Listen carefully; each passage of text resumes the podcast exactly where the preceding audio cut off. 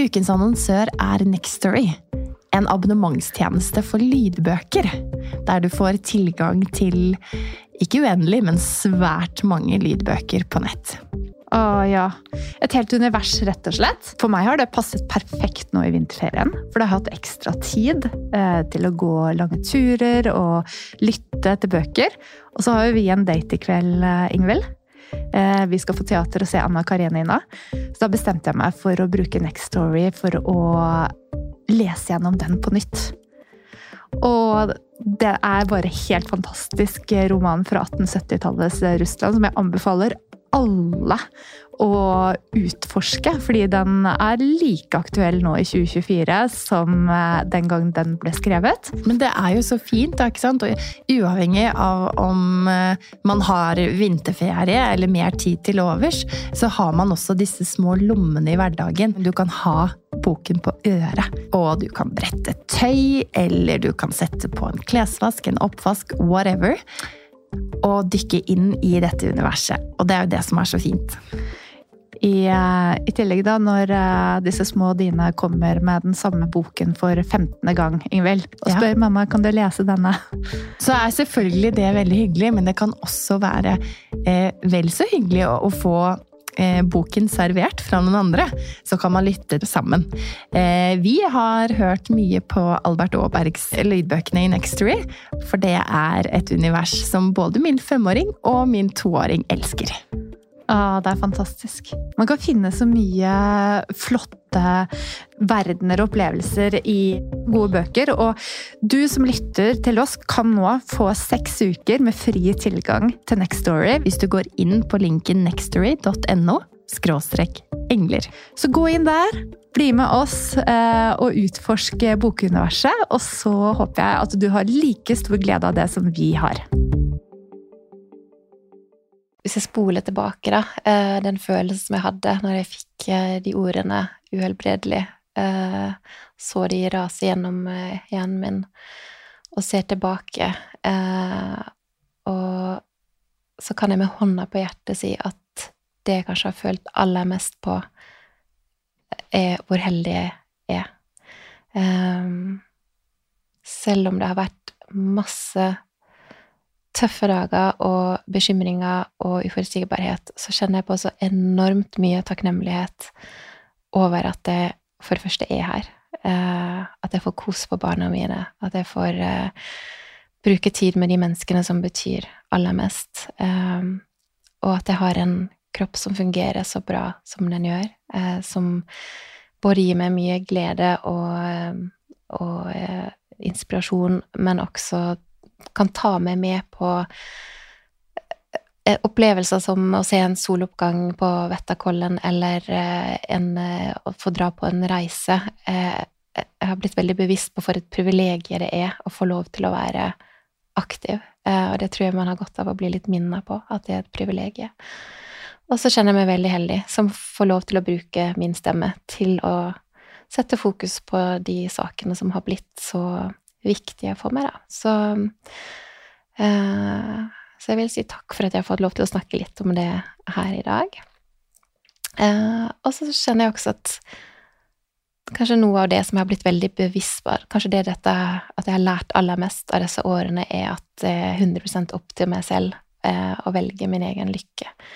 At eh, at uh, dagene blir det som jeg velger å gjøre det til, uansett uh, hvilken livssituasjon man er i, så kan man velge å, eh, å ha fokus på det som det som eh, gjør meg godt, eh, det som gjør familien min godt, og gi slipp på det som drar meg ned. Eh, og eh, ja, jeg føler på et veldig ansvar for å makse den tiden som jeg har fått, da, og gjøre så gjøre den så bra som jeg kan, både for min egen del og for alle de som jeg er glad i. Mm. Så kanskje en sånn siste påminnelse til alle om at uh, ja, tiden vår er den absolutt fineste gaven vi har. Så uh, vær litt bevisst på hva du velger å bruke din tid på. Og uh,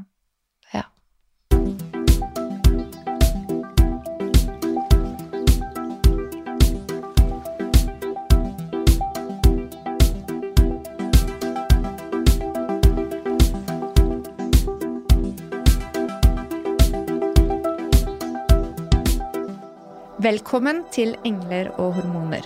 Inspirasjon og ny kunnskap om helse, selvutvikling og livsstil.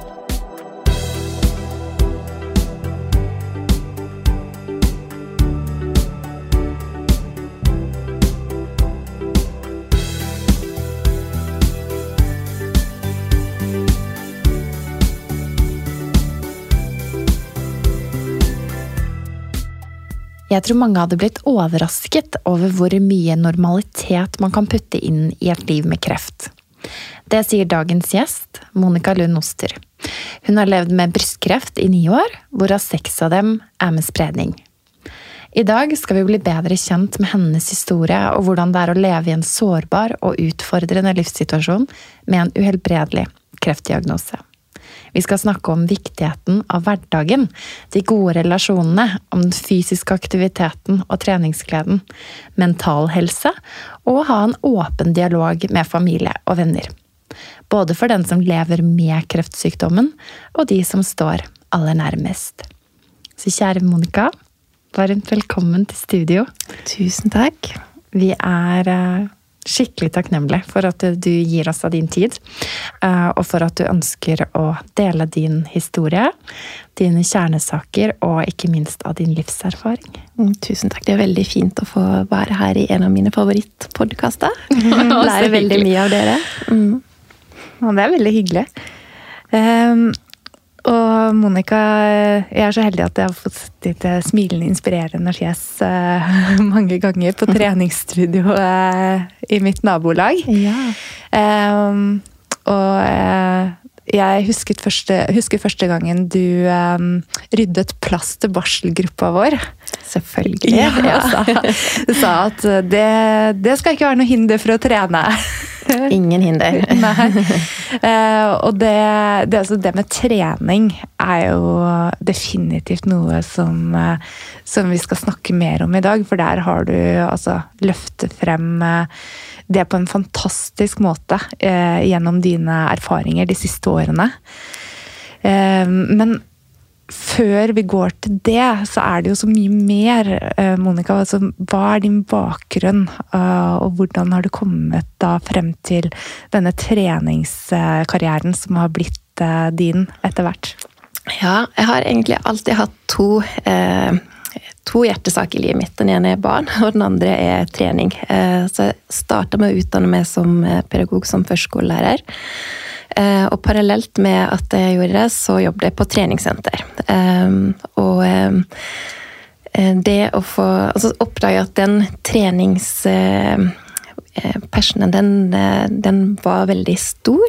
Selv om jeg trivdes utrolig godt med å jobbe med, med, barn også, så tenkte jeg at det er noe som jeg kan komme tilbake og jobbe mer med senere. Og så ville jeg gjøre mer ut av treningsinteressen. Så jeg fikk tilbud om å begynne å jobbe fulltid på treningssenter, utdanna meg som personlig trener. Og har hatt veldig mange fine år i en bransje som jeg er veldig glad i. For, for noen år siden så fikk jeg da bli mamma til mine egne barn, som jeg nå har blitt 12 og 14 år. Og omtrent samtidig så var jeg med og starta et treningssenter på Heming. Som jeg har vært daglig leder, personlig trener og gruppetreningsinstruktør på. Og det å få lov til å eh, ja, jobbe med noe som er både jobb og hobby. Noe som man virkelig får lov til å være med og spre treningsglede. Eh, det har betydd veldig mye for meg. Mm. Mm. Og mange andre. og så har du jo forfattet eh, boka for du, eh, 'Når livet blir trist', da, som er en bok egentlig til barna. Ja. Eh, det, det, skjedde når jeg på grunn av min mitt møte med, med, kreft, som vi kan komme tilbake til. Så når jeg ikke lenger kunne fortsette i jobben min, så, eh, så ble det litt mer tid til andre ting. Jeg hadde savna veldig en bok som eh, handla om det å leve med alvorlig kreftsykdom, eh, som også tar opp temaet død. Men som også handler om hvordan vi kan gjøre det beste ut av den situasjonen vi har har kommet i. Fokuset er på barneperspektivet, men i boka er det også bakt inn uh, fine råd som jeg har fått med meg underveis, om hvordan man kan snakke om ting som man helst vil slippe å snakke om, og vanskelige tema. Det kan være godt å ha en bok å støtte seg til når man skal snakke om noe som er vanskelig. Mm. Uh, og det kan også være fint for barna å ha en bok å hente frem når de har lyst til å ta opp noe som er, som er vanskelig. Så det har vært uh, veldig, veldig fint å få lov til å hente frem igjen litt av førskolelæreren i meg, og få, få, lov til å bruke de erfaringene som jeg har fått gjennom disse siste årene, på noe som, som jeg vet har vært med og gitt verdi til, til andre. Mm. Vi nevnte jo i innledningen at eh, du lever med det som kalles for en uhelbredelig kreftdiagnose. Mm. Og kreftdiagnosen fikk du først i 2013. Det stemmer. Eh, det begynner å bli lang tid eh, siden. I 2013 så var jeg 37 år. Barna var da to og fire. Jeg hadde akkurat blitt skilt. Og jeg hadde akkurat starta som eh, daglig leder av dette. Jeg hadde denne jobben som jeg var eh, veldig glad i. Eh, jeg var i veldig god form, jeg hadde mange gruppetimer. Eh, og så hadde jeg et bryst som var litt større enn eh, det andre, og som jeg hadde lyst til å få, få tatt en, en, sjekk på. Um, og jeg husker veldig godt den dagen jeg fikk beskjeden, så hadde den starta som den alltid gjorde, det var mandag. Uh, og det var gruppetime først. Og jeg var fortsatt uh, våt i håret etter, etter dusjen og stepptimen som, som, jeg hadde hatt. Jeg følte meg veldig sterk og energisk og frisk når jeg gikk inn døren på kreftsenteret. Og så gikk jeg ut den samme døra en time senere og visste at, det var, at jeg med all sannsynlighet hadde kreft. Um, og det var jo et enormt sjokk. Men eh, jeg hadde fått med meg noen ord fra onkologen at dette kommer til å gå bra. Eh, du har gode prognoser. Så, og samtidig så ble det en følelse som jeg hadde den dagen, det at jeg, jeg hadde jo kreft når jeg gikk inn den døra og følte meg så sterk og frisk, så jeg visste at det var jo ikke kreften som gjorde meg syk. Men jeg skulle gjennom en tøff behandling som, eh, som ville ville utfordre kroppen. Eh, og fokuset mitt ble da på hvordan jeg kunne komme meg best mulig gjennom denne perioden her. Fordi eh, jeg ville bare komme gjennom det. Jeg ville fortsette å få være mamma til barna mine. Jeg ville fortsette å, å være på jobb og få hverdagen. Sånn at fokuset ble hvordan jeg kunne eh, Hva kunne jeg gjøre selv for å komme best mulig gjennom det. Og da ble trening en veldig viktig del av eh, den perioden. I første omgang trene så mye som jeg kunne før operasjonen, som jeg visste ville bli en passiv, eh, rolig periode etterpå. Eh, under cellegiften så ble det veldig mye vanskeligere. Da den cellegiften slo meg ut mer enn jeg trodde. Det var seks måneder med, med cellegift. Og når jeg da skulle i gang med, med, stråling, så bestemte jeg meg for at nå må jeg prøve å unngå å komme i enda dårligere form enn jeg allerede er. Eh, derfor så vil jeg bruke denne stråleperioden som var på fem uker, til å eh, gå eller jogge frem og tilbake til eh, sykehuset. Jeg bodde seks kilometer fra sykehuset, så det betydde tolv kilometer hver dag i fem uker. Så dette her ble mitt eget lille sånn prosjekt uh, unngå å komme i dårligere form. Uh, og det som overraska meg veldig som personlig trener, var hvordan kroppen responderte på dette. For selv om det var veldig tungt i starten, så tok det ikke så lang tid før det gikk lettere og lettere. Jeg kunne jogge lenge før jeg tok pause. Det, her, det, tok raskere og raskere tid frem og tilbake fra sykehuset. Og etter hvert så begynte jeg å glede meg til å ta på meg joggeskoene. Og jeg begynte til og med å løpe i helgene når jeg hadde fri fra stråling, fordi at kroppen bare ville ha mer. Og dette her Jeg hadde aldri sett for meg at kroppen kunne respondere på denne måten. Den, jeg hadde tross alt stråling hver dag. Jeg skulle egentlig være kjempesliten nå, men istedenfor så var jeg i mitt livs løpeform. Mm. Og den følelsen eh, ble viktig for meg å dele med andre, eh, fordi at det det gjorde, var at jeg følte at jeg fikk ta tilbake litt kontroll. Jeg følte at jeg kunne endelig gjøre noe for meg selv igjen.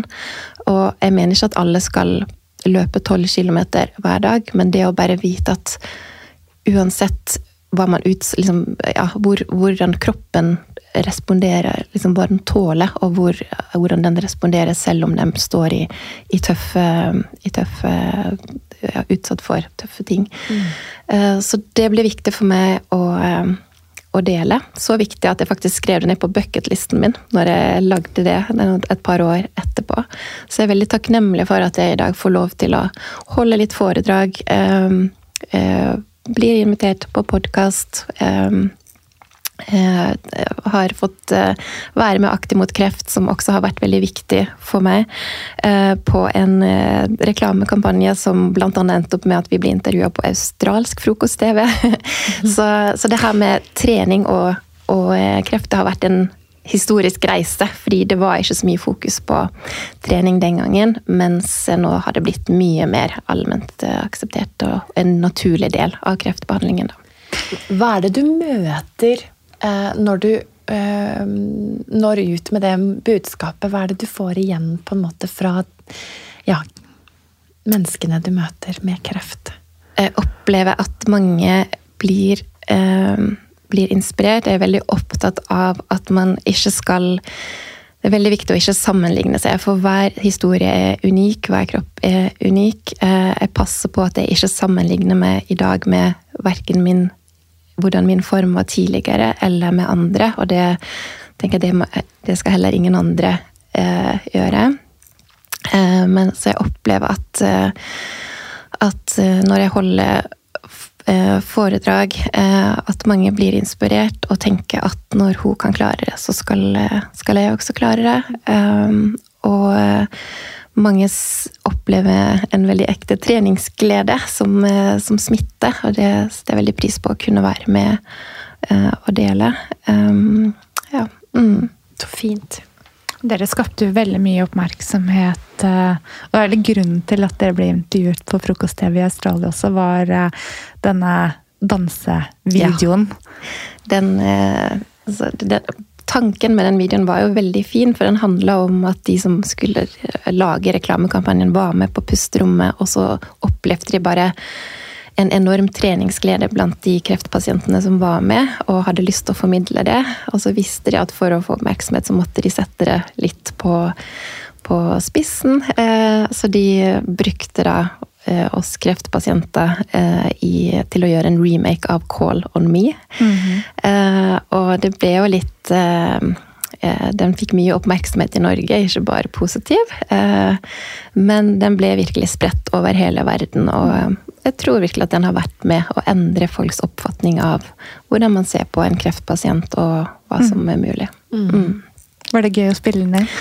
Du, det var en av de gøyeste dagene i mitt liv. Vi dro til London og spilte den inn i det originale Call on Me der den ble, ble lagd. Så det mm. var, det var, virkelig noe av det gøyeste jeg har vært med på. Jeg tror vi må linke til den på Instagram denne uken her. Ja, det hender jeg ikke. men, men, eh, men, Monica um, Kan vi komme litt nærmere inn på, måte, din kan jeg kalle det kreftreise? Mm.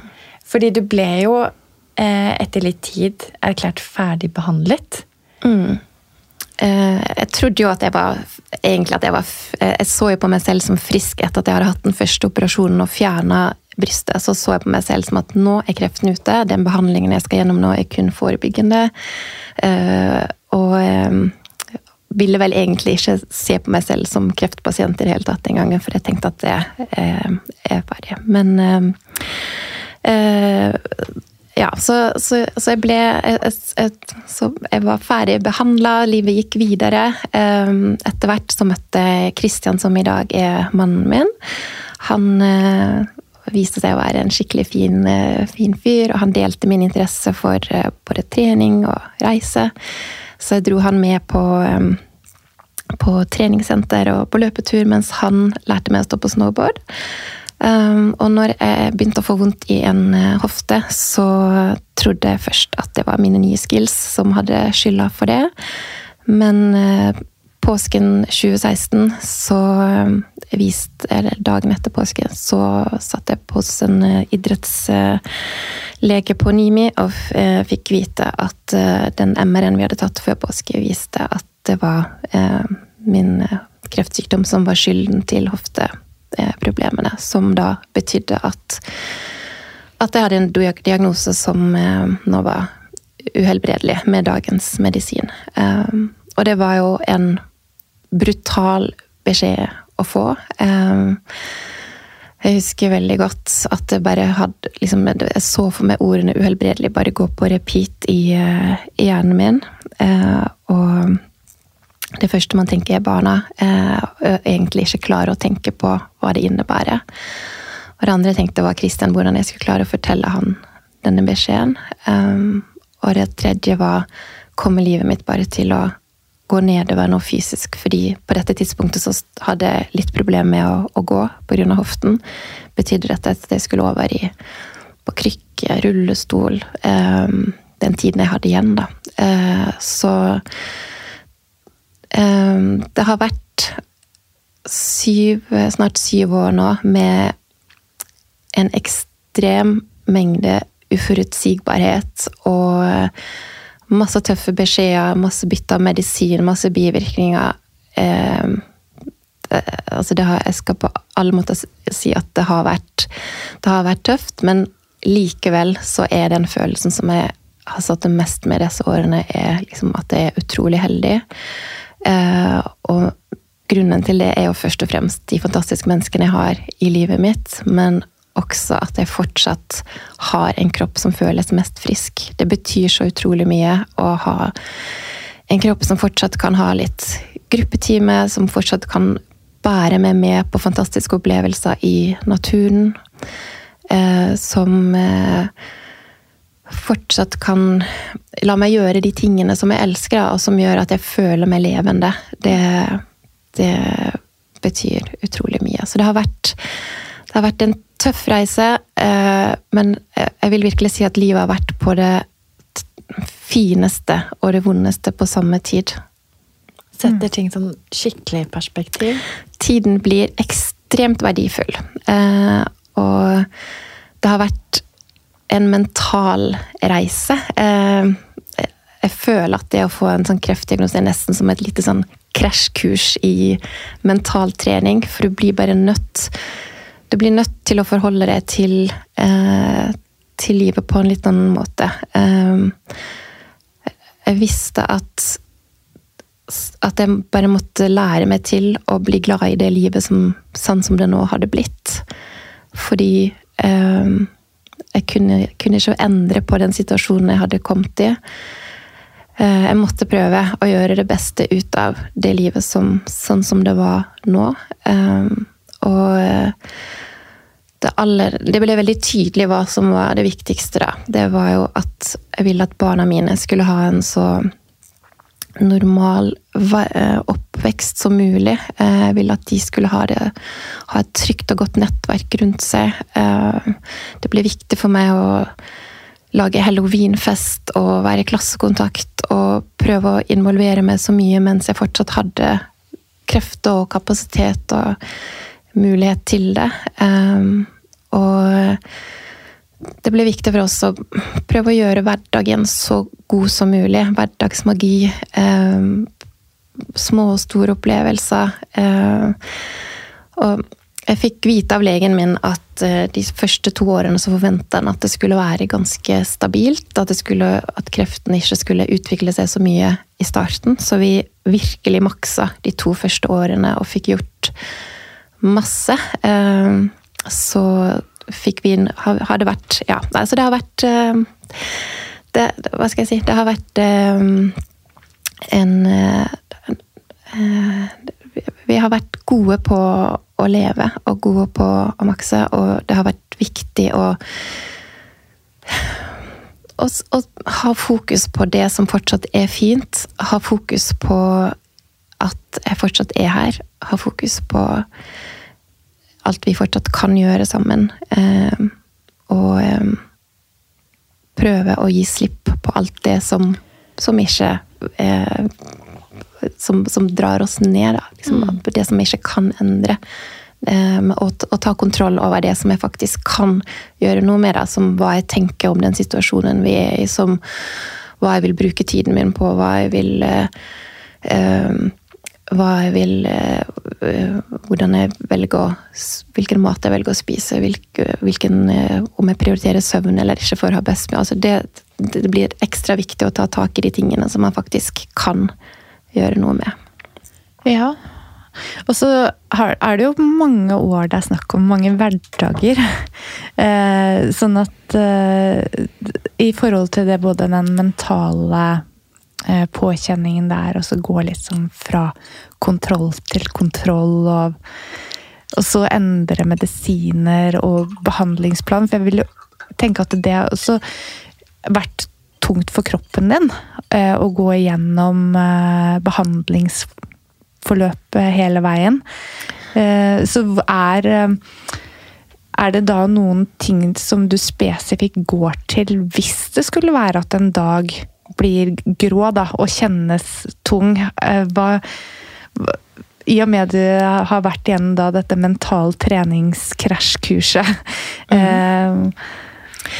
det, det, har vært noen eh, grå dager i det siste, for jeg har opplevd å miste eh, tre eh, nydelige jenter som eh, skulle fått blitt veldig mye eldre enn en 40 og 41 år. Um, Eh, og jeg har virkelig fått kjenne på eh, hvordan man må mobilisere når, når, ting føles veldig grått. Eh, og det som hjelper meg aller mest, er Jeg har skjønt at egenomsorg, det er ikke egoisme. Det handler om at hvis du skal være i stand til å gi noe til andre, så må du lytte til deg selv og finne ut hva finne ut hva jeg trenger for å kunne ta vare på min egen gnist og, og gi noe videre. Um, så det å være snill mot meg, selv når ting er, er, vanskelig, er det ene. Uh, det andre handler helt konkret om det å komme seg ut også på de grå dagene. Uh, jeg merker at det, det er akkurat som en instant change i, eh, i hjernen av å bare få tatt på seg de klærne, selv om det den dagen eh, det, tenker på noe så Det regna, og jeg hadde så lite lyst ut, men jeg visste at hvis jeg bare kom meg ut, så ville jeg føle meg bedre. Eh, og det tok ikke så lang tid før jeg bare merka at det bare skjedde en endring i hjernen av å komme seg ut, bevege kroppen se noen trær, mm. litt natur. Eh, så um, en kombinasjon av eh, omgi seg med gode mennesker, være snill med seg selv, eh, snakke fint til seg selv, ikke minst. Jeg merker at det, veldig, det, det, jeg sier til meg selv på dårlige dager, det har veldig mye å bety for hvor fort jeg kommer meg opp igjen. Da. Så jeg har blitt veldig bevisst på å være min egen beste venn. Mm, ikke ikke, dårlig, ikke dårlig samvittighet, ikke skam. Ikke altså, legge bort det og bare eh, prøve å være god med seg selv og eh, kjenne etter hva jeg trenger i dag. Mm. Gode råd, eh, Monica.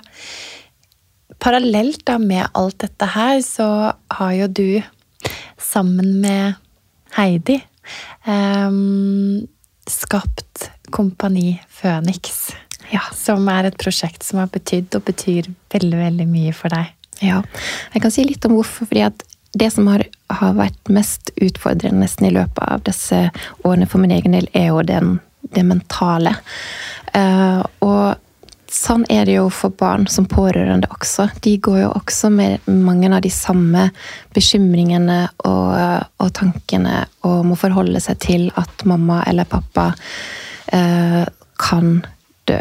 Um, I noen tilfeller at de skal dø. Um, og i noen tilfeller at de har blitt borte. Uh, så og vi, både meg og, og, Heidi, vi opplevde at det fantes uh, ikke så mange tilbud til barna. Uh, så vi bestemte oss for å skape dette tilbudet selv. På dette tidspunktet var Heidi ekstremt ekstremt dårlig. Hun fikk hjernestråling samtidig med at vi skapte eh, Kompani Phoenix, som da er en eh, møteplass for barn som har en mamma eller pappa med uhelbredelig kreft. Eh, og bakgrunnen var at vi ønska at de skulle finne noen som de slapp å være alene. Vi vet at barn har At det handler mye om å bare vite at det fins noen andre som har det akkurat sånn som du. Og så hadde vi lyst til å gjøre gøye ting sammen. At, uh, at, vi skulle dra på rush, eller vi skulle dra på Tusenfryd, eller vi skulle uh, dra i parken og spille. At bare gjøre hyggelige ting. Aktivitetsbaserte treff var fokuset vårt. Uh, og selv om Heidi som sagt var ekstremt dårlig på, på det, det, tidspunktet, så klarte hun å eh, la gründe, Hun er jo var, var gründer. Mm. Så hun fikk skapt nettsiden. Uh, vi ble enige om hvordan dette skulle være, og innholdet. Og uh, Heidi rakk å være med på, på noen treff før hun eh, dessverre bare ble dårligere og dårligere. Og eh, dessverre eh, døde i, eh, for noen uker siden. Um, og hvis det er én ting eh, jeg skal ta med meg, så er det iallfall hvor viktig dette her var for, for Heidi. Um, at dette tilby, er et tilbud som skal fortsette å bestå.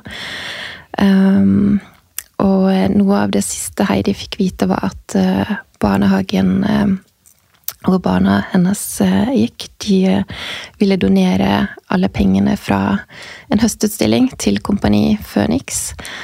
Um, og i tillegg var det en fantastisk mamma i barnehagen som eh, fikk tilgang på en rekke bodyer fra Wooland som hun kunne selge kun til inntekt for Kompani Phoenix. Så allerede har de bidratt med over 30 000 til eh, Company Phoenix, som betyr at vi kan gjøre masse gøy eh, som, eh, fremover sammen. Og eh, eh, jeg tror Heidi hadde, hadde, smilt, eller jeg tror at hun smiler nå ved å, å vite hvor eh, mange fine initiativ som skjer rundt Company Phoenix, og hvor mye kjærlighet hun får via prosjektet vårt. Så det føles viktigere enn noen gang. Og de som er med i Kompani Phoenix, de, de er med for livet. Vi er en gjeng. Eh, og så lenge de, de, de som har mista, er også en del av Kompani Phoenix, så lenge de ønsker mm. å være det. Mm. Mm. Og vi ser hvor utrolig det, det, er veldig hjertevarmt når vi har de samlingene. Å se gjensynsglede, og se at man kan dele eh, i et øyeblikk bare 'Min mamma er død'. Eh, og så i neste øyeblikk så kan man leke og, og, ha det fint. Så har man bare noen som man kan dele med, og som forstår. Mm. Og så har vi også sett at vi faktisk blir et viktig bidrag for voksne pårørende. Fordi vi våre treff er, da tar vi med hele familien. Og vi ser at det er kjempefint for de voksne også å få en, et sted å, å um, møtes og få snakke med andre i samme situasjon. At vi, ja. For um, vi har jo vært litt inne, eh, inne, på dette med helsevesenet. Du hadde ditt møte med uhelbredelig kreftdiagnosen på et idrettsmedisinsk senter, der kanskje ikke kompetansen var til rette som for å ivareta deg akkurat der og da for uh, veien videre. Um, og her er vi igjen også inne på altså, disse tiltakene som, som, gjøres utenfor helsevesenet, men som bidrar til så mye god helse, både fysisk og psykisk. Mm. Um, som er kjempeviktig. Um, også dette med pårørende. Mm. Eh, for der, eh, der, så tenker man litt på uh, din kjære mann, da. Mm. Uh, som har stått ved deg gjennom hele den prosessen. Uh, hvilket tilbud har han fått for å ivareta hans fysisk, psykiske helse? Nei, det har dessverre ikke vært noen, noen særlig tilbud til han. Det har ikke det, altså. Og jeg vet at han at han nok skulle ha ønska det, særlig i starten, fordi han ante jo ikke hva han gikk til. Um, så, så, det har Det har vært uh, det har vært en tøff situasjon for han. Um, han har faktisk nylig spilt inn en, uh, en podkast via Kreftkompasset, der man kan høre han dele sitt pårørendeperspektiv, da, som, uh, som jeg syns er så fint at han har gjort. Eh, det er så viktig eh, at menn også kan, kan snakke litt og dele litt om, eh, om det. Så, så, det har vært Det har vært tøft fordi at Ja. Det, det fins ikke mye, mye, tilbud, dessverre. Mm. Mm. Og vi har jo kommet litt inn på det tidligere, i hvert fall i forberedelsene til denne episoden, um, om endringen som skjer når du går fra et pakkeforløp og til en uhelbredelig kreftdiagnose som liksom er langsom, litt roligere. Man, ja. Kan du mm. fortelle litt om Ja, eh, når jeg fikk kreft første gangen, så var jo allting satt inn i et veldig system. Eh, jeg visste alltid hva som skulle skje. Jeg visste at først er det operasjon denne datoen, og så skal du starte med cellegift, og det er så mange behandlinger. Og så skal du starte med stråling, og det er så mange behandlinger, og så er du ferdig. Og i dette pakkeløpet så var de også veldig flinke til å ta med barna inn. De fikk være med på cellegiftbehandling, eh, stråling, eh, sånn at jeg følte at vi ble veldig godt ivaretatt. Og så får du en diagnose som oppleves som mye mer brutal. Um, som er mye mer brutal. Uh, du får beskjed om at du ikke kan bli frisk, og vi vet ikke hvor mye tid du har. Uh, det min onkolog sa, var at vi vet ikke om det blir to eller ti år. Uh, medianen ligger vel på ca. fire. Um, så det å få den beskjeden, og så får du beskjed om at gå hjem og involver barna og lev så normalt. Og så skal du ta disse tablettene her.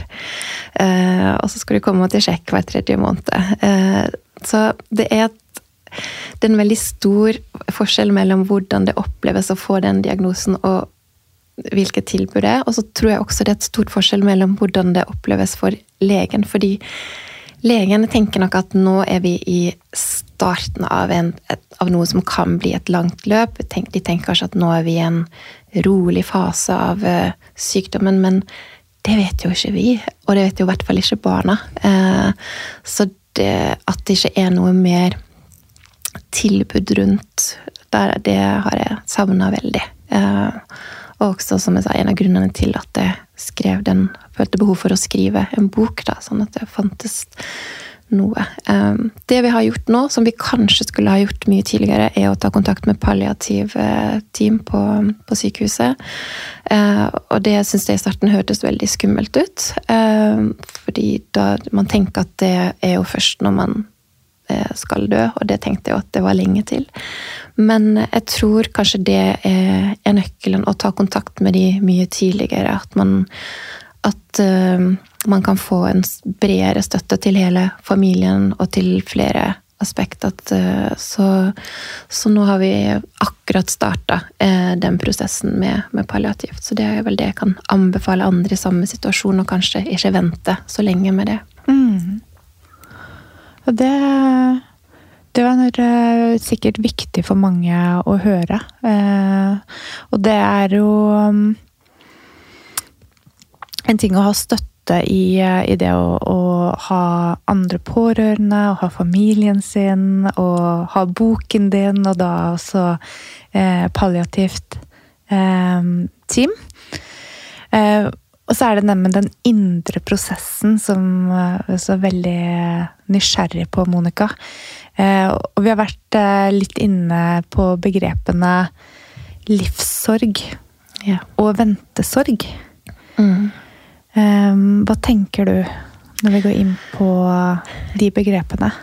Livssorg er for meg de tingene som jeg mister litt underveis. Som jeg mister litt retten til fremtiden min. Kunne planlegge mye ting i fremtiden. Jeg har mista eh, jobben min, eh, identiteten rundt det. Eh, jeg har eh, ja, mist Altså, kroppen er jo Den fungerer jo fortsatt veldig bra. Det er mange ting som ikke fungerer like bra. Sånn at det, det er ting som man mister underveis, men som man likevel bare kan jobbe med å godta, eh, og ikke fokusere for mye på. Sånn tenker jeg på på livssorg. Så kommer du opp med begrepet ventesorg, eh, og for meg så er det en helt annen liga. Eh, fordi ventesorgen, den er så sår. Eh, at bare jeg sier ordet ventesorg, så kjenner jeg at tårene liksom presser på. For det, det handler jo om å ikke skulle få, få være der lenger. Og ikke skulle få altså, Jeg tror jeg tenker ikke så mye på det å dø, men jeg tenker på det å ikke skulle få, få være der for barna mine. Um, å få tenke på at ingen skal elske dem like mye som, som jeg elsker dem hvis jeg blir borte. Um, og ikke kunne trøste dem um, når de har det vanskelig. Um, det venter sorg, og den prøver jeg egentlig bare å skyve litt unna, fordi at det å gå for mye inn i den, det, eh, det ville bare gjort for mye for vondt, da. Um, så kommer den, så tillater jeg meg å kjenne på den.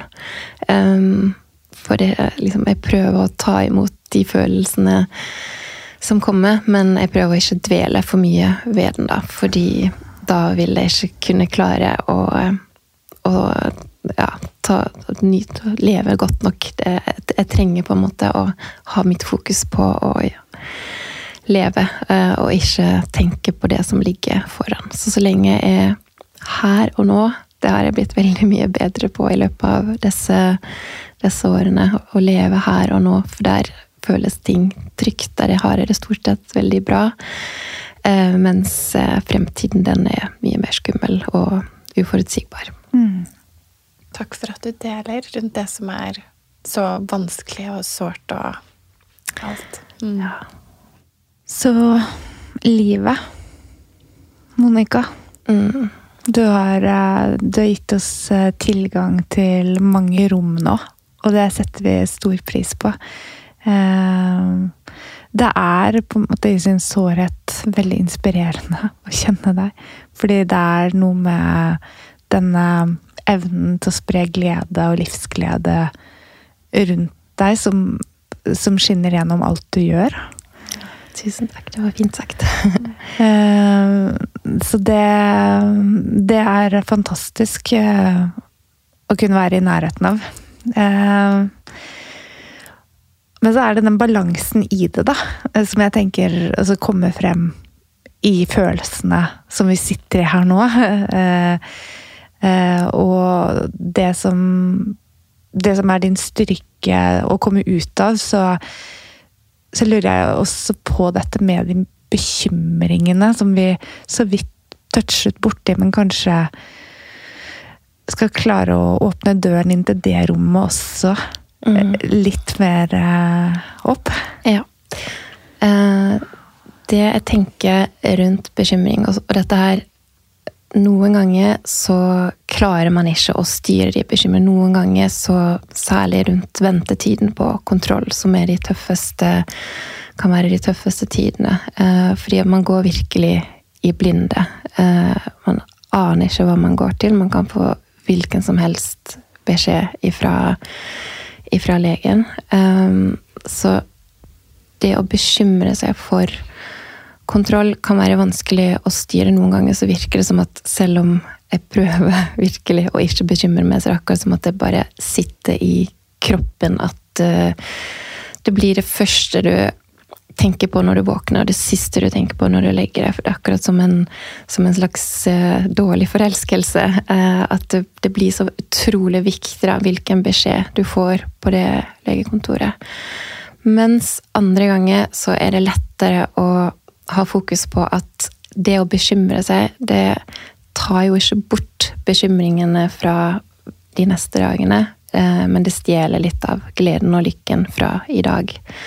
Eh, og det fokuset er litt viktig for meg, at tiden min er så verdifull. Eh, og når jeg ser tilbake nå på at det har vært snart syv år, det er lang tid Tenk hvis jeg skulle ha brukt de syv årene på bare bekymrer meg. Så jeg er så utrolig glad for at jeg har klart å ha et perspektiv om å gi kreft minst mulig plass. eh, gi mest mulig plass til livet. Eh, og så er det selvfølgelig ikke alle dager man lykkes like godt med, med det, men, men, det har vært eh, år med utrolig mye lykke og glede og normalitet eh, blanda inn i dette tøffe. Mm. Og det er jo eh, lett å se at dere er flinke til å gjøre ting sammen. Og finne på, finne på ting som gir glede. Så, så helt mot avslutning, kan du dele noen ting som, eh, som, er på trappene i forhold til bucketlisten din. Har du, har du, noe på gang nå, Monica? Åh, nei, vet du hva. Akkurat nå jeg, jeg føler at jeg har kommet veldig veldig langt på den eh, bucketlisten der. Vi har alltid Det er mange ting som vi drømmer om å få gjøre, men akkurat nå så tillater liksom, det litt for uforutsigbart fremover med tanke på medisinbytte og, eh, og sånn til at jeg klarer å planlegge så langt, eh, langt frem. Men drømme kan vi jo gjøre. Eh, så, så akkurat nå når det blir nå som det begynner å bli litt sånn surt og grått og mørkt, så drømmer man jo alltid om å komme seg til et varmt sted, eller uh, For vi skal jo Vi har én veldig hyggelig ting som vi gleder oss til, og det er at vi skal feire jul på Røros. Åh, akkurat og, som i Blåfjell! Ja. og det blir utrolig hyggelig. Da skal vi feire jul sammen med min søster som har en hytte på, på Røros. Og har ikke fått feira jul sammen med henne på mange år. Eh, så det blir eh, utrolig hyggelig å få og gleder oss til jul der. Um, og det ser så fint ut. Ja. ja jeg får julestemning nesten bare av å tenke på det. uh, men ellers så er akkurat nå så er jeg en situasjon der ting er liksom et mulig bytte av behandling, og da er det veldig vanskelig å, å planlegge så mye, mye, reising. Men vi håper kanskje kan vi få til noe i vinterferien eller noe varmt mm. sted. Ja, vi får se. Mm. Mm. Er det én ting du virkelig har belyst for oss og for lytterne våre gjennom denne episoden her, Monica, så er det viktigheten av hverdag. Um, fysisk aktivitet, de gode relasjonene, og ikke minst støtte. Både for mental og psykisk helse. Og ja, vi er kjempetakknemlige for at du gir oss av tiden din og, og kommer hit og, og, deler. Det er vi veldig, veldig takknemlige for. Så tusen takk. Tusen takk for meg. Det har vært veldig hyggelig å prate med dere. Vi høres.